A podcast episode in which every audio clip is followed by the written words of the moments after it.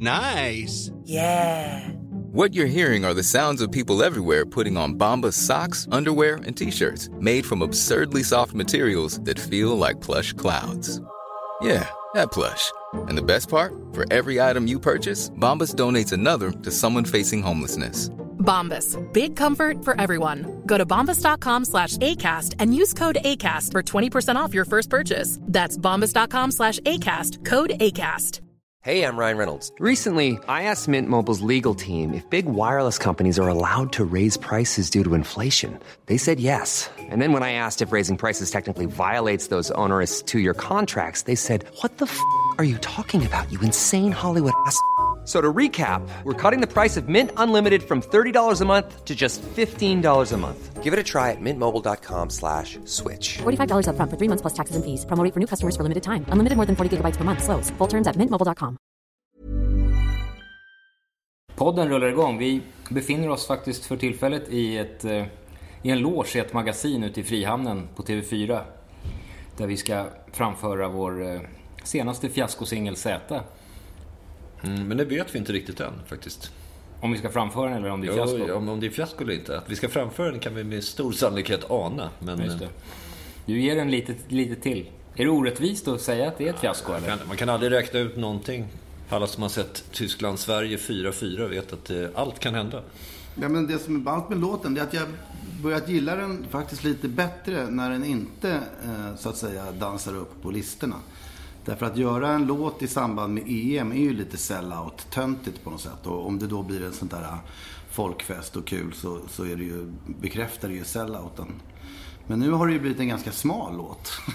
Du som, som bara vissa obskyra eh, känner till. Och det, då tycker jag den växer lite sådär i... Då är den ju per definition en rätt kreddig underground-låt faktiskt. Plötsligt blev det det och, och det är ju helt förunderligt hur det kan gå till. Ja, men fantastiskt, men då är vi ju hemma.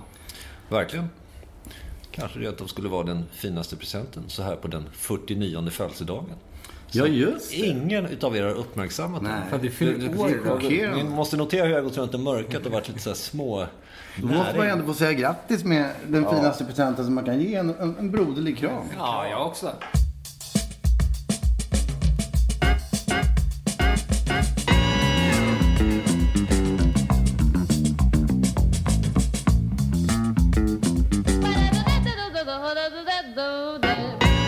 Det, det har ju blivit ett helgon till i, i Sverige här alldeles nyligen. Elisabeth eh, Hasselblad tror jag hon heter. Och hon är ju som en, som en någon slags länk mellan eh, Gud och oss människor. Vet, hon är ändå så ganska nyligen. när- Hon dog så här 2000 blankt eller någonting. Ja, Det är rätt mäktigt tycker jag att det trampar runt helgon. Som om inget mitt ibland oss. Fast om hon har dött så trampar hon väl inte runt?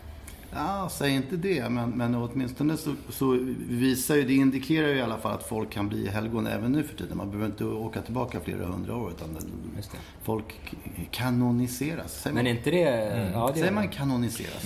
Ja. Det är man. Märkligt att, att En vi, kanon bygger på en längd utav någonting. otroligt märkligt att vi aldrig har snappat upp det ordet som att vara full.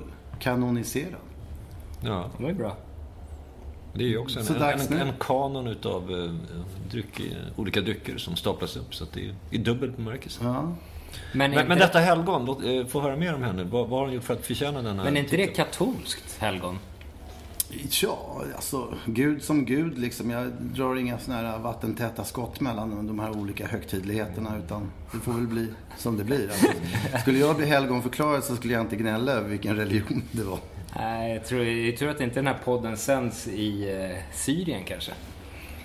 Jag tror folk är mer liberala där än vad man tror. Ja, det är lugnt. Pressen målar alltid upp en skitbild av folk. Ja, absolut. Nej, men någon, någon, eh, något eh, måste hon ju uträttat också för att bevisa sin kontakt med det gudomliga. Ja, men jag tänker så här, när- när hon då, hon, jag menar, låt oss bara anta att hon faktiskt står i kontakt med det gudomliga. Och då undrar man ju lite försiktigt om hon eh, filtrerar det som hon hör gudarna säga, eller den enda guden säga till henne. Jag menar, det måste ju ändå hända att gudar är på liksom sunkigt humör och sådär. Och hon vill ju gärna förmedla ljuset och härligheten och kärleken. Jag kan tänka mig att det spammas en hel del faktiskt från Gud.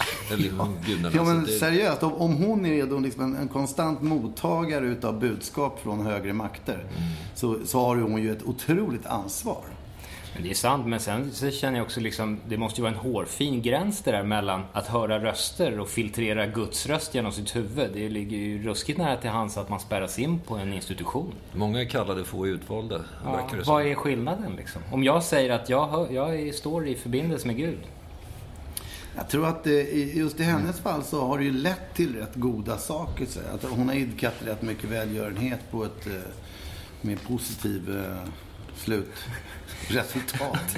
Visst det, men Det är mer än vad man kan säga om dig, Gurra G. Ja, det är ju men det är sig många som idkar välgörenhet också. Det, Men då är det ju mer man- då har det ju ingenting med Gud alltså idka välgörenhet.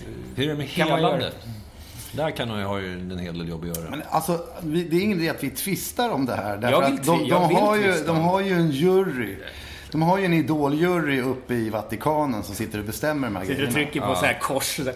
Verkligen. Jag tror att det, du, du, att, att det blir... Det där var gamla systembolagstoner. Det kan vara otroligt eh, många diskussioner tror jag, kring, kring vem det är som blir. Ja. Ja.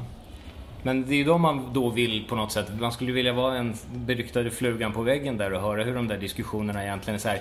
Är den här personen bara en vanlig sinnessjuk människa eller ett helgon? Det där är ju superintressant därför att återigen så har du ju länken. Alltså eh, juryn i det här fallet som bestämmer vem som ska bli helgon.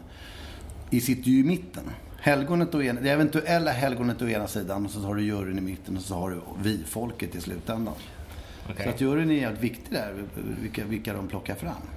Och de måste ju ha en kompetens om det gudomliga som nästan förutsätter att de känner till det gudomliga utan och innan.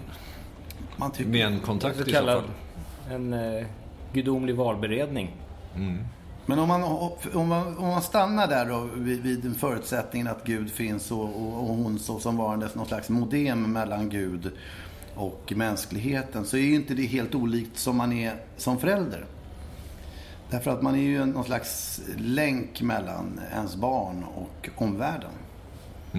Och till början, så, så som man själv redovisar världen för sitt barn, jag tror att det har en rätt stor betydelse. Liksom, hur, hur barnet, vad barnet får för världsåskådning. Ja, så är det ju Ja. definitivt. Om man då tänker sig en aktiv gud som är inne och styr och och Ja, men nu, är delaktig i människans liv. Det är det jag menar. Att, att, att, att eh, så som Gud är för Elisabeth Hasselblad är, är man ju faktiskt själv för eh, barnet.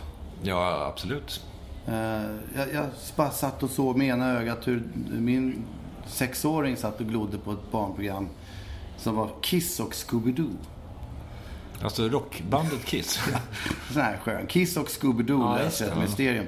Och, och eh, det var, det var så här, det var grymt sexistiskt. Eh, på alla olika sätt. Och jag bara så här, fortsatte läsa min dagstidning och gjorde ingenting åt det. För jag tänkte att det ger sig, tänkte jag bara. Ja, det gör det ju oftast. Alltså, allt som- handlar ju om en bra kommunikation, en upplysning om vad saker är. Vi var inne lite grann, jag vet inte om vi tog med det där med, med Jan Löv. Det, jag tycker det kan finnas en, det är ju en poäng i att, att låta saker redovisas som det här är en åsikt. Och sen så förklara det positiva och negativa med den åsikten istället för att försöka radera bort åsikten, eller bilden. Helt enkelt. Ja, i Jan Lööf-fallet så är det ju en kompis till den här kongaspelaren. Ja. Som dessutom är den mäktigaste på Fasching-scenen där det är för övrigt, om det är Charlie Parker och det är massa Thelonious Monk. De är ju avbildade, det är kända jazzmusiker. Var kongaspelaren är den som ser mäktigast ut. Ja, Ehm, det är så, oj, nu ska vi se. Ja, nu kommer varsågod. PK-polisen stoppar oss redan. Ja, verkligen. Det? Nej, det är ingen fara. du vet. För jag tänkte att ni ska in till Studio 3 nu på en synk. På, Trevligt. på en synk? Ja, ni ska ställa lite in frågor och de ska fota er och så. Okej. Ja. Men eh, vi kommer. Underbart. Ja, det är ingen stress, det var... Ja, underbart. Kommer en synk vara där?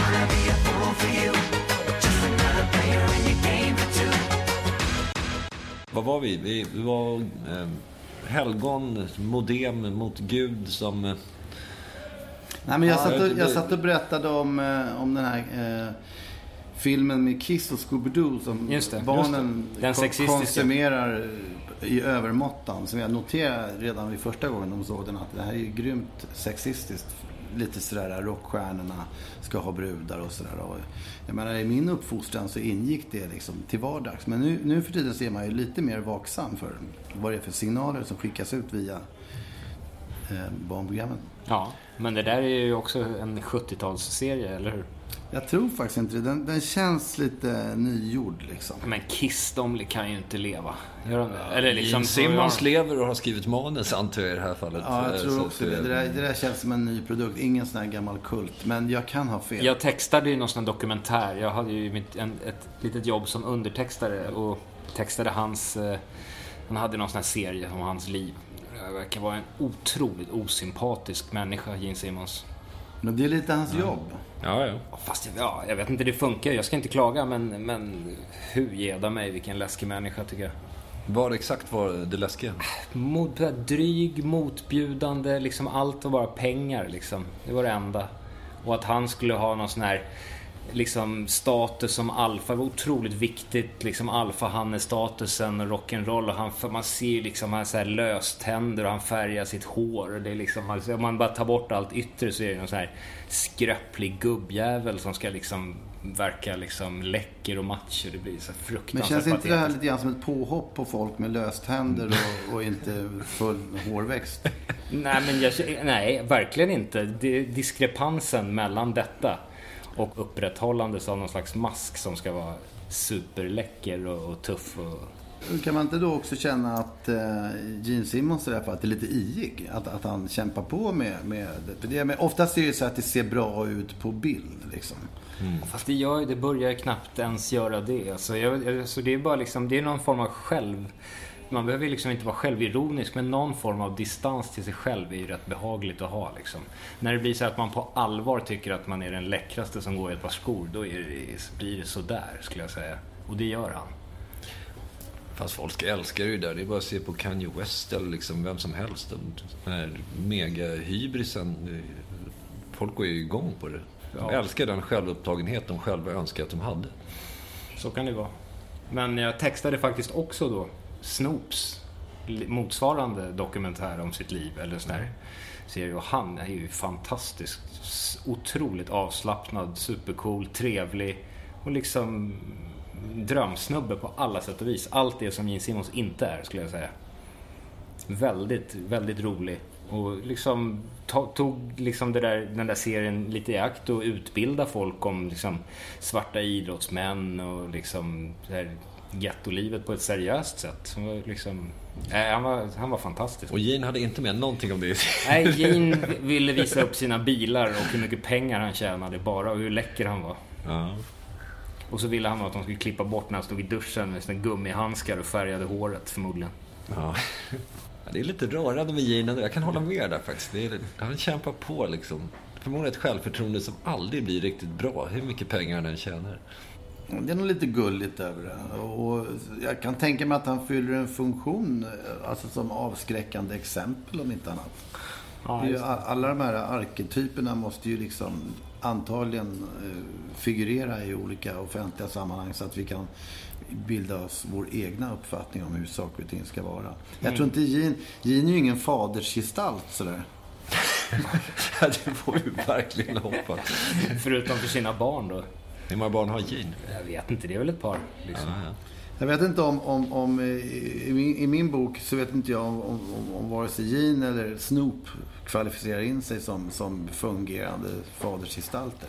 Nej, de, är, sä- alltså, de är säkert jättebra som föräldrar, men det är just den här bilden, den där Men jag tänker offentliga för, bilden för, oss, liksom. för oss andra. Alltså, För oss, som, alla. som, I så fall skulle Ja. jag säga att Snoop funkar alldeles utmärkt. Det är en Rollmodell. Ja, det skulle, jag, det skulle jag nog säga. vilka har ni haft som fadersgestalter i största allmänhet? Om ni, om, om, det, ofta är det ju så att man byter med jämna mellanrum Mm. för att olika funkar i olika tider. Fadersgestalt eller idol?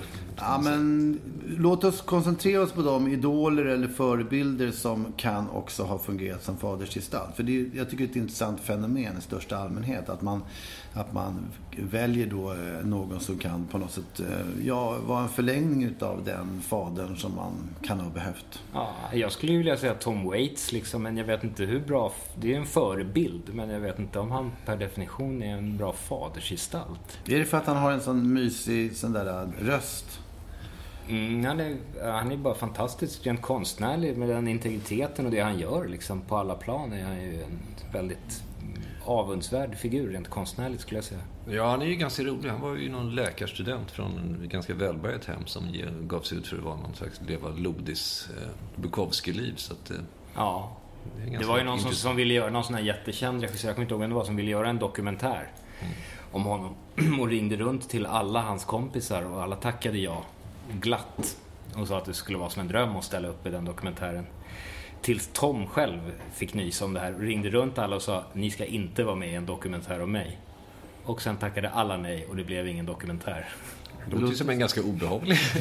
Auktoritär kille. Ja, det kan det vara, men det I handlar väl... samråd med Gene så kom han fram till det. Nej, men det handlar väl mest om att han, han är ju en figur. Det fattar ju vem som helst. Apropå läkarson där. Ja, ja. Liksom, det där är ju en, det är ju en persona. Liksom. Ja, men det där funkade ju kanske för 40 år sedan. Men, men nu är man ju liksom så... Personen är så lättillgänglig på alla sätt. Så att det, det går inte att upprätthålla någon illusion. Egentligen är Gene och Tom rätt lika varandra där eftersom de gör roller. På, och igen, det kan ju vara så till och med att, att trots Kiss-sminket så kanske till och med Gene gör mindre en roll än vad Tom gör. För det, alltså jag såg ju Tom Waits, eh, första, jag har sett honom några gånger, men, men den gången som jag verkligen blev chockad eh, över detta var på Draken. Eh, För en herrans massa år sedan. Och, då var han ju verkligen så att han, att han mellan låtarna eh, sa att Well, uh, the next song is, uh, is a love song that I wrote um, 20 years ago and it goes like this. Och när låten var slut var Thank you. And uh, for my next number. eh, så att det var väldigt teatralt. Ja, det det Och en stor skillnad mellan då han var sig själv mellan låtarna och, och när han framförde dem. För det filade han ju bort helt. Jag såg den Mule Variations-turnén han körde På Cirkus, ja, men då då var det ju inget snack. Då stod han ju bara och stampade fram massa damm och... Det var... Skällde, mer eller mindre. Som en dröm. Betalar de- man ju sina dyra, surt förvärvade pengar för. Lider sig igenom de låtar och väntar på balladerna. Ja. Som alltid. All, allt innan Swordfish Trombone vill man höra. Men jag har alltid blivit besviken kring idoler som jag har velat vara som. Eftersom många utav dem har visat sig vara så jävla korta. Jag tänker lite grann på, du är ju lite lik Tom Waits. Så att du har ju hatten här nu och lite skägg och, och liksom... Eh, dessutom är Tom Waits lite liten också. Eh, Medan de idoler, och tillika fadersgestalter som jag då har försökt ha som kan ha varit allt ifrån eh, John Lennon, Roger Waters, eh, kanske folk i Beastie Boys, Ulf Lundell. Eh, alltså egentligen vilka som helst. De, de, de, de är så jävla små och korta och jag har aldrig hittat någon som är lik mig, så här lång och ranglig. Jag vet inte, Neil Young, är inte han lite... Han är väl lång. Men, det... Har ingen men vad är det för dåligt med att de är korta då? Nej, men det är inget dåligt. Svår, Det, svårare att identifiera sig med om man är lång. Ja, men det, det, det är ganska mysigt när det är någon som är som en själv. Så är det ju. Eh, Och det tror jag, det, det är ju ofta ingen slump att folk gillar sådana som de eventuellt även har någon slags eh, Framförallt det som du var inne på med mig. Det är ju lättare... fysionomiska drag av. Ja, om man gillar någon så där och har någon som förebild så vill man ju som du påpekade och kanske likna den lite grann. Och det blir ju svårare om man är två meter och har någon, försöker likna någon som är 1,50. Ja. Det erbjuder ju vissa problem. Alltså för mig var det precis tvärtom. Jag gillade ju Kevin Keegan i Liverpool just för att han var liten. Och jag ville vara så där liten och illrig på planen som han var.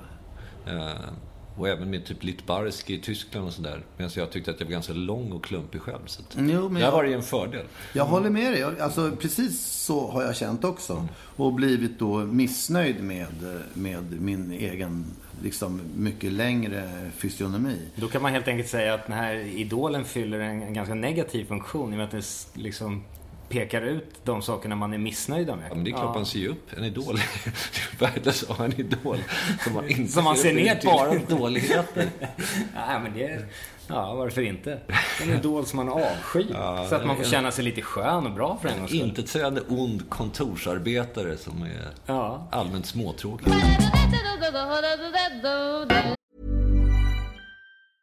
Hey, I'm Ryan Reynolds. At Mint Mobile, we like to do the opposite of what Big Wireless does. They charge you a lot, we charge you a little. So naturally, when they announced they'd be raising their prices due to inflation, we decided to deflate our prices due to not hating you.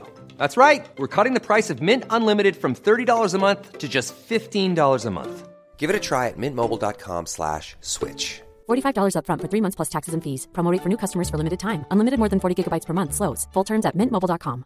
There's never been a faster or easier way to start your weight loss journey than with PlushCare. PlushCare accepts most insurance plans and gives you online access to board-certified physicians who can prescribe FDA-approved weight loss medications like Wigovi and Zepbound for those who qualify.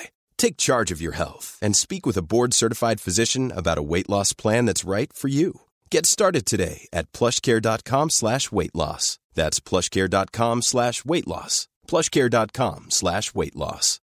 Since 2013, Bombas has donated over 100 million socks, underwear, and t-shirts to those facing homelessness.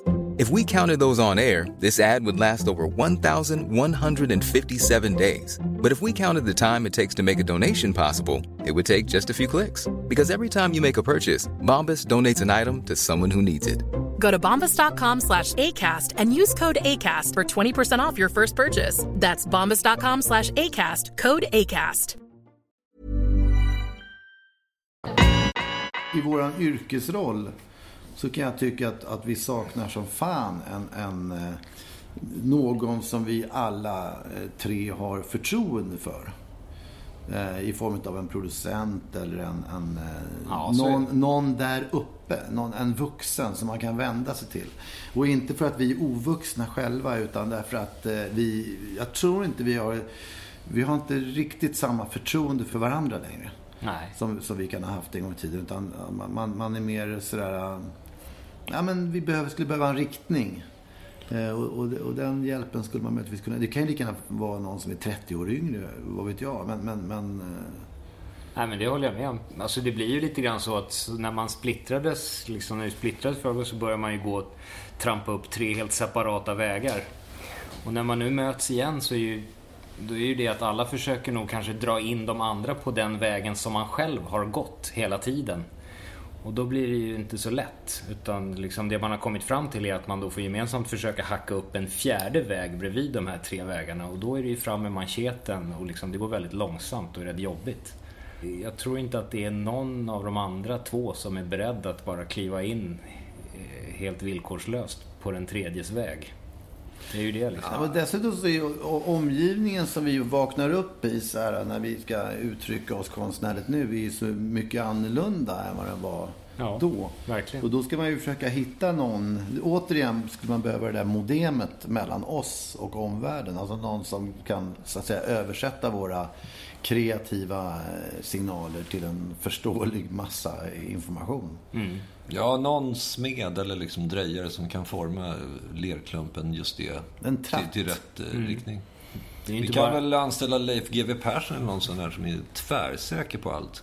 Som Det- alltid har ett svar. Han skulle kunna vara producent tycker jag. Det är ett otroligt bra exempel. Därför att där, där har ju verkligen någon som jag tror många uppfattar som en fadersgestalt. Men det är ju hela den här 40-talistgenerationen, för jag antar att han är 40-talist. De, de har ju ett förhållningssätt att veta allt. Vi har varit inne på mansplaining förut, men de här männen, de vet ju faktiskt allt och har svar på allt. Och de kan också, även fast de har fel, hålla fast vid en åsikt i tron att det är rätt. Ja, men det är ju vid någon ålder där som man tror jag slutar att registrera omvärldens förändring på något sätt. Det är det. Men jag tror folk tröttnar också. Jag menar, om du har en sån person som är så fullt och fast jävla övertygad om vem han är och hur han ska vara. Då vet ju folk att det finns ju ingen idé. Det, det är bara är så här. Och så får man gilla läget. Ja, men folk älskar ju det där. Därav det här otroligt jobbiga uttrycket. Vilken jävla chef. Vilken chef du är.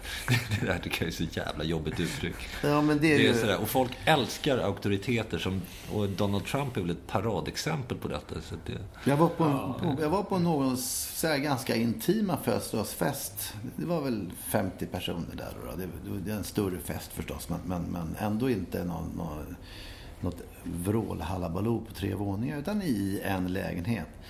Eh, och då satt eh, Leif GW där och, och löste korsord.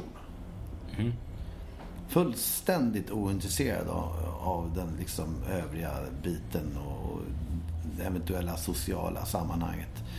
Och det, den enda åsikten folk hade om det, det var att han var ju skön alltså. Men så där är han ju i TV också.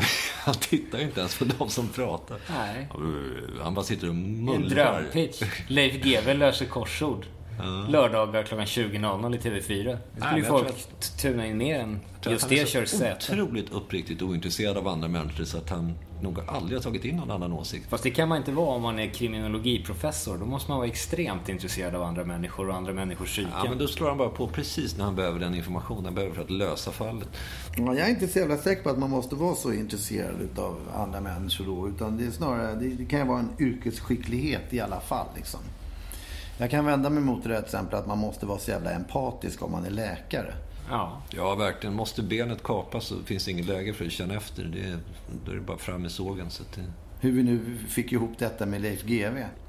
Men, men eh, vi kan väl ändå enas om att, att Leif GW lösandes korsord skulle vara en betydligt mer eh, attraktiv gäst på vilken jävla fest som helst än, än, än mig serverandes drinkar. Liksom. Mm, en Gene Simmons.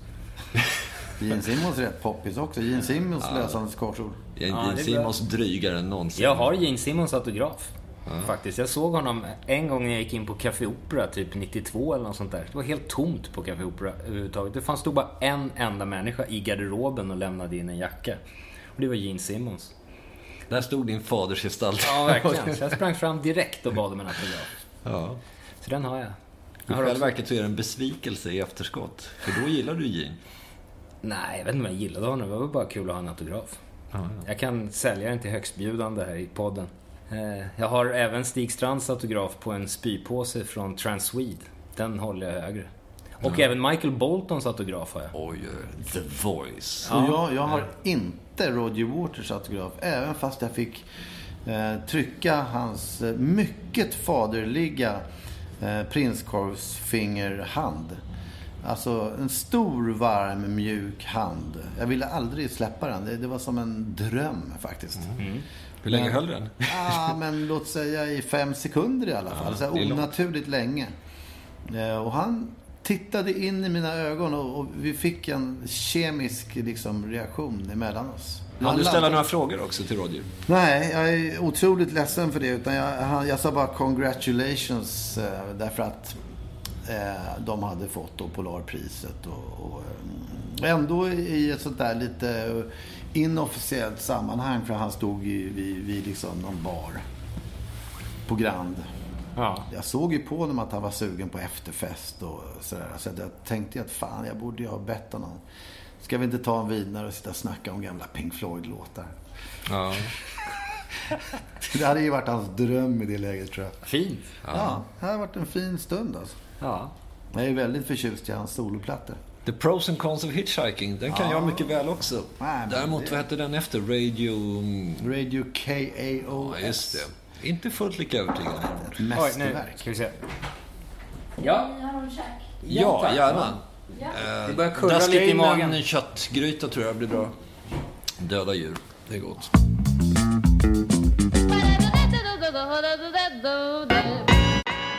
Jag, jag kommer att tänka på en sån här medveten eh, modemmodellering som folk brukar använda sig av för att, för att eh, framställa någonting i sämre dagar än vad det är. Det där är skitintressant att göra därför att när någon då hänvisar till exempel till vad någon annan har gjort. Eh, och, och man märker att argumenten inte riktigt räcker. Man, man vill beskriva att, att Lasse har gjort någonting jävligt dumt. Eh, och, och jag uppfattar som att jag förstår att argumenten inte riktigt räcker när någon förvränger rösten. och, och, och berättar då i någonting i stil så här va, att ja, så, så kom Lasse in. Och så frågar han så här, var är min väska någonstans? Och där hajar man ju att liksom, alright, det här, det här har varit om bråk om väskan och jag vet inte vad det är för dispyt det är. Någonstans där börjar din sympati slå över till Lasse. Där börjar min sympati. Och jag tänker så här, det finns nog en annan sida utav den här storyn. Därför att annars skulle inte personen i fråga behöva använda den här Nej. förvrängda rösten för att få mig att tycka illa om Lasse. Därför att det är precis det det handlar om.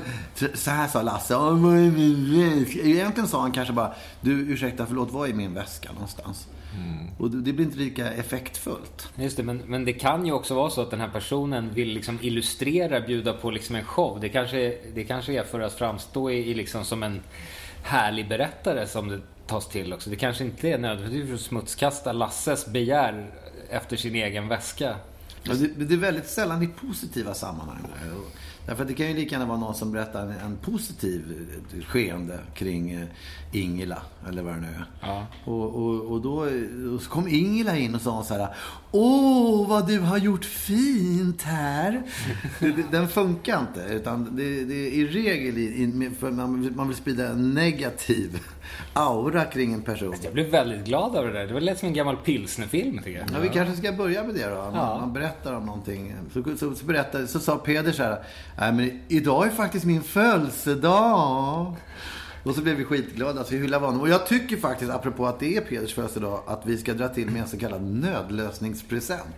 Just det, en Nämligen upplevelse. En upplevelse framöver. Jag ser, om 15 år kanske. Vad sägs om den här teorin? Att det är empati som är ett mänskligt modem. Det måste man ju ha för att kunna översätta signaler från en annan människa. Utan att kunna förstå vad en annan människa säger eller leva sig in i dens tanke så finns det ju ingen möjlighet till kommunikation. Nej.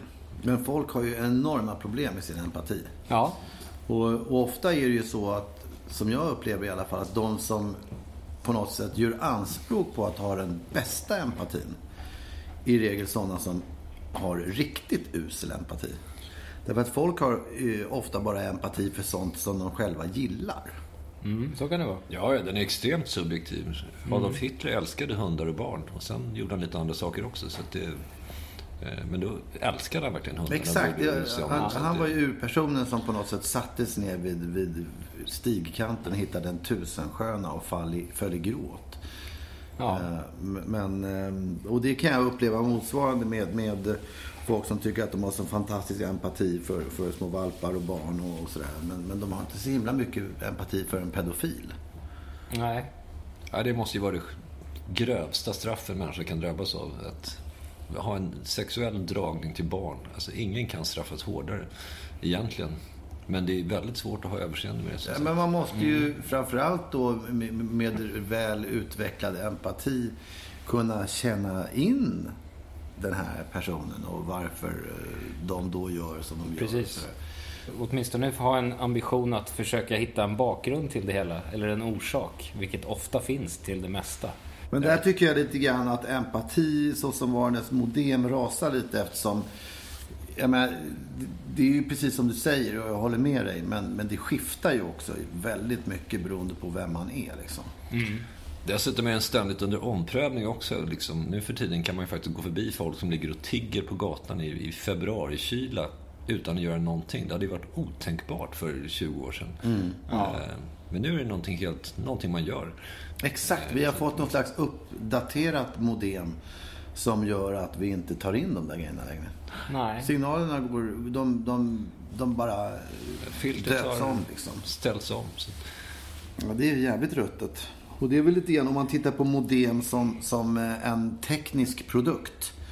Så tycker jag att det också är väldigt eh, frapperande hur extremt lågt i värde de har när de har så att säga blivit gamla.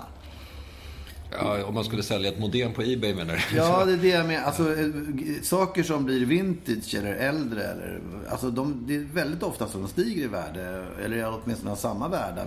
Men, men just modem. Jag kan inte komma på någonting som är, med, mer värdelöst än ett, ett 15 år gammalt modem. Fast det är väl överlag daterad teknik. är väl någonting som, som sällan... Faxen är en runner-up måste man ju säga. Men den kanske inte är riktigt lika lågt stående som... Nej, modemet är... Fax och- finns fortfarande. jag, Folk som använder Ja, men det är faktiskt, vid spelarövergångar använder man ofta fax och därför det är Är det så? Ja, nej, men det är speciellt om det är lite mindre teknikorienterade länder. Så där. Ja, men eller gamla bandspelare och... Ja, kassettband kan ju inte vara lättsålt. Det Säg Ja. inte det. Det finns någon slags charm i det och folk använder kassettband som... Det finns ju till och med en sån här mobiltelefonskal som ser ut som kassettband. Alltså det finns en glamour Mm. kring kassettbanden som modemet helt saknar. Ja, ja, Det gör det ju. Det alltså, det finns ju gamla positiva modem minnen. är, är inte så sexigt. Ja, det Nej, men dessutom är, är modem bara någon, någonting här nödvändigt ont för att uppnå det man vill. Medan en kassett är ju det är en romantisk sak. Det är fint att sätta på en kassett. Jag, jag gjorde en, höll på med någon krogshow med Johan Wahlström som vi skulle göra. Som inte blev någonting av. Där hade vi all musik bara med, på en uppmickad kassettbandare. De säljer ju kassettband fortfarande på Clas Ohlson. Ja, ja, men det är ju ett kärl man fyller med innehåll som sagt. Ja, Modemet precis. är ju... Nej, Bara en det är ju länk. bara en tjutande, vidrig liten låda. Finns det någonting positivt med modem? Ja, det fanns. Eller, inte nu. Rent tekniskt alltså. Ja, men det är, ju, det är ju ändå länken mellan, mellan... Jag vet inte riktigt om du menar det tekniska modemet ett modem nu, eller det, det bildliga modemet. Ja, men om vi hoppar Empatimodemet. Ja, metaforen. Alltså, Rent tekniskt, ett nutida modem kan användas till någonting överhuvudtaget. Eh, Alltså, det är ju själva förutsättningen för att vara ute på nätet överhuvudtaget. Eh, vi, vad, vad mig anbelangar så använder vi fortfarande modem. Gör man? Jag har ett modem som står hemma. Och, och är länkar mellan, mellan datorn och, och, och the world wide web, tror jag. Eller står den där på hyllan bara? Är den inte ens inkopplad? Nej, jag, vet, inte. jag, har den en, tekniska definitionen. Jag tänker på en sån här gammal hoppande 56 jag har en blå låda som står under min byrå i hallen och blinkar. Jag Ja. tror den gör något sånt Ja, där. det är ju modemet. Är det ett modem? Det är ett modem. Men det låter ju inte. Nej, nej, men det gjorde ju modem inte förut heller. De Det var lät ett ju... jävla liv. Jo, jo, men de lät ju bara om du kopplade in så hörde man Och det gör ju nog ditt blåa låda nu också om du bara liksom leder ut den där signalen någonstans. Men då måste man ju omdefiniera värdelösheten till riktigt gamla modem i så fall. Ja, det räcker med att de är ett par år gamla så är de ju långsamma och jävliga liksom. Mm. Men då är de ju och slåss i ligor med mobiltelefoner och annat sånt där. Så det, det är inte säkert att det är det Och det är sämsta. kult med gamla mobiltelefoner. Jag skulle faktiskt vilja eh, ta upp en, en eh, grej eh, till som är rent eh, sådär konkret kring med hur, hur information kan gå ut fel beroende på modem. Det är ju den här låten Tre Gringos som vi har gjort. Som, eh, vi gjorde ju en massa låtar som eh, på något sätt tog ställning mot rasism. Eftersom det var vanligare än vad man tror eh, den debatten redan på 90-talet. Den det var ju så att säga nästan första gången den dök upp tidiga 90-talet. Och de första turnéerna vi gjorde var ju eh, mot rasism och det var hett liksom i de här Lasermannen-tiderna.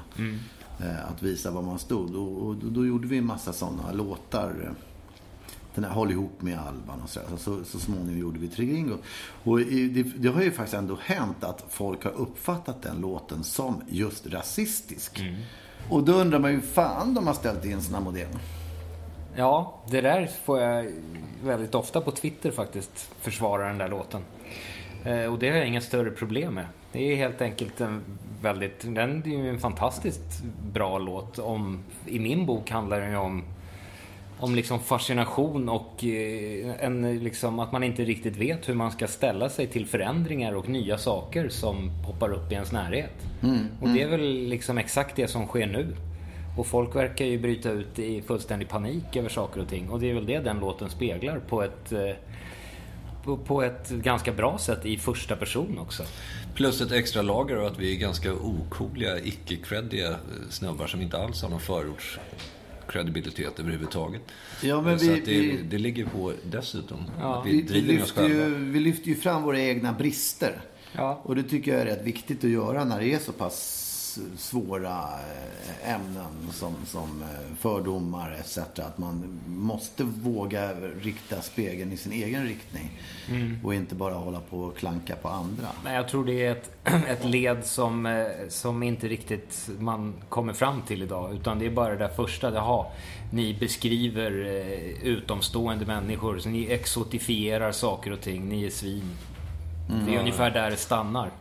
Eh, Det finns liksom ingen vidare analys. Tyvärr. Den, finns, den, den har försvunnit i dagens läge. Ja. I, någon, I en slags hetsdebatt och en superpolarisering av allting. Ja. Eh, vilket är lite tråkigt. Men som sagt, jag tar jättegärna och väldigt ofta den debatten på Twitter faktiskt. Att försvara den låten. För den tycker jag är magnifik. Och mer aktuell idag än någonsin. Verkligen. Och, och, och jag tycker överhuvudtaget det är viktigt för att kunna sätta sig in i ett problem. Eh, så måste man också försöka placera sig själv i så att säga, den utsatta rollen. Och, och, eh, det kan vara otroligt svårt. Men man måste ju göra något slags försök ändå. Ja. Och, och just att vara en främling, det sker ju dagligen. Ja, det gör det ju. Alla är ju främlingar någonstans. Men du, du brukar ju också prata om avsändaren, att, att, att vi är fel som avsändare. Ja, det är väl det. Alltså, jag menar, hade, men jag vet inte heller effekten om, om någon från eh, boendes i förorten utav eh, icke-svensk härkomst hade gjort den här låten hade det ju blivit bara väldigt märkligt. Förmodligen. Så att jag vet inte riktigt hur man skulle få ihop den där ekvationen. Men det är ju alltid avsändaren som är, som är liksom betydelsefull. Ja, man du kunde gjort det andra vändan i så fall, att de åker in till Östermalm, eh, några Rinkeby-snubbar och sk- skriver låten Tre Brats. Ja, det hade ju varit fantastiskt. Den vill man ju höra. De förklarar hur vilsekommen man kan känna sig där. Ja. Eh, Allt det finns ju i den där låten redan egentligen. Så att det är ju bara att använda lite fantasi så kan folk placera in sig tre cirkuselefanter på NK liksom. Ja. Alltså det finns väl ingenting som är negativt i den där texten. Att vi beskriver på ett negativt sätt. Det är väl bara ett konstaterande, precis. skulle jag säga. Men det är ju liksom identitetspolitikens grundsats, att det är bara avsändaren som räknas faktiskt. Eh, och att man måste vara tydlig med sin, med, med sin bakgrund och så, för, för att kunna säga vissa saker. Ja. Lust, lustigt nog har, det- har det ju aldrig blivit ifrågasatt i dansbandssammanhang. Hej. Vi skulle behöva göra en liten omkastning Jaha. i schema och undrar om vi skulle kunna få spela in mer redan nu. Ja, visst. Är det okej? Ja. Kvällen... Men ska vi, ska vi runda av det här då? För då går vi hem. Ja, kan du ge oss eh, tr- 40 sekunder bara? Då ska Först ska det bra. börja köra in färdigt där. Oj, Vi kan avsluta. tajta puckar. Jo, men någonting som jag tycker är ganska eh, märkligt och härligt är att den, låten har ju aldrig blivit ifrågasatt i dansbandssammanhang. Därför att det är ju lätt att se det som att vi tre hiphoppare gör en parodi på dansband. Men, men det tror jag beror på att, att vår kärlek till dansband lyser igenom. Det har ju aldrig varit något gofande kring Nej. att vi har gillat dansband. Utan det, jag tror att det löste sig på det sättet. Ja. På något sätt känns ju inte dansbandsvärlden lika insyltad i den där identitetspolitiken heller. Liksom. Nej. De vill väl bara liksom dansa. Ja, jag, Sina talibaner där också, så att det... Mycket härligt har det varit att träffa såna här dansbandsveteraner och legender och, och deras glädje över att vi gjorde den där. Ja, verkligen. Ja, men du, är inte det ett rätt bra eh, tillfälle att avsluta med, med denna positiva anda utav eh, eh, ö, övergränsande kärlek? Ja, verkligen. Och så låter vi Gene Simmons vara och avslutar. Så går vi och läser korsord. Som en dröm. Thank you for being with us.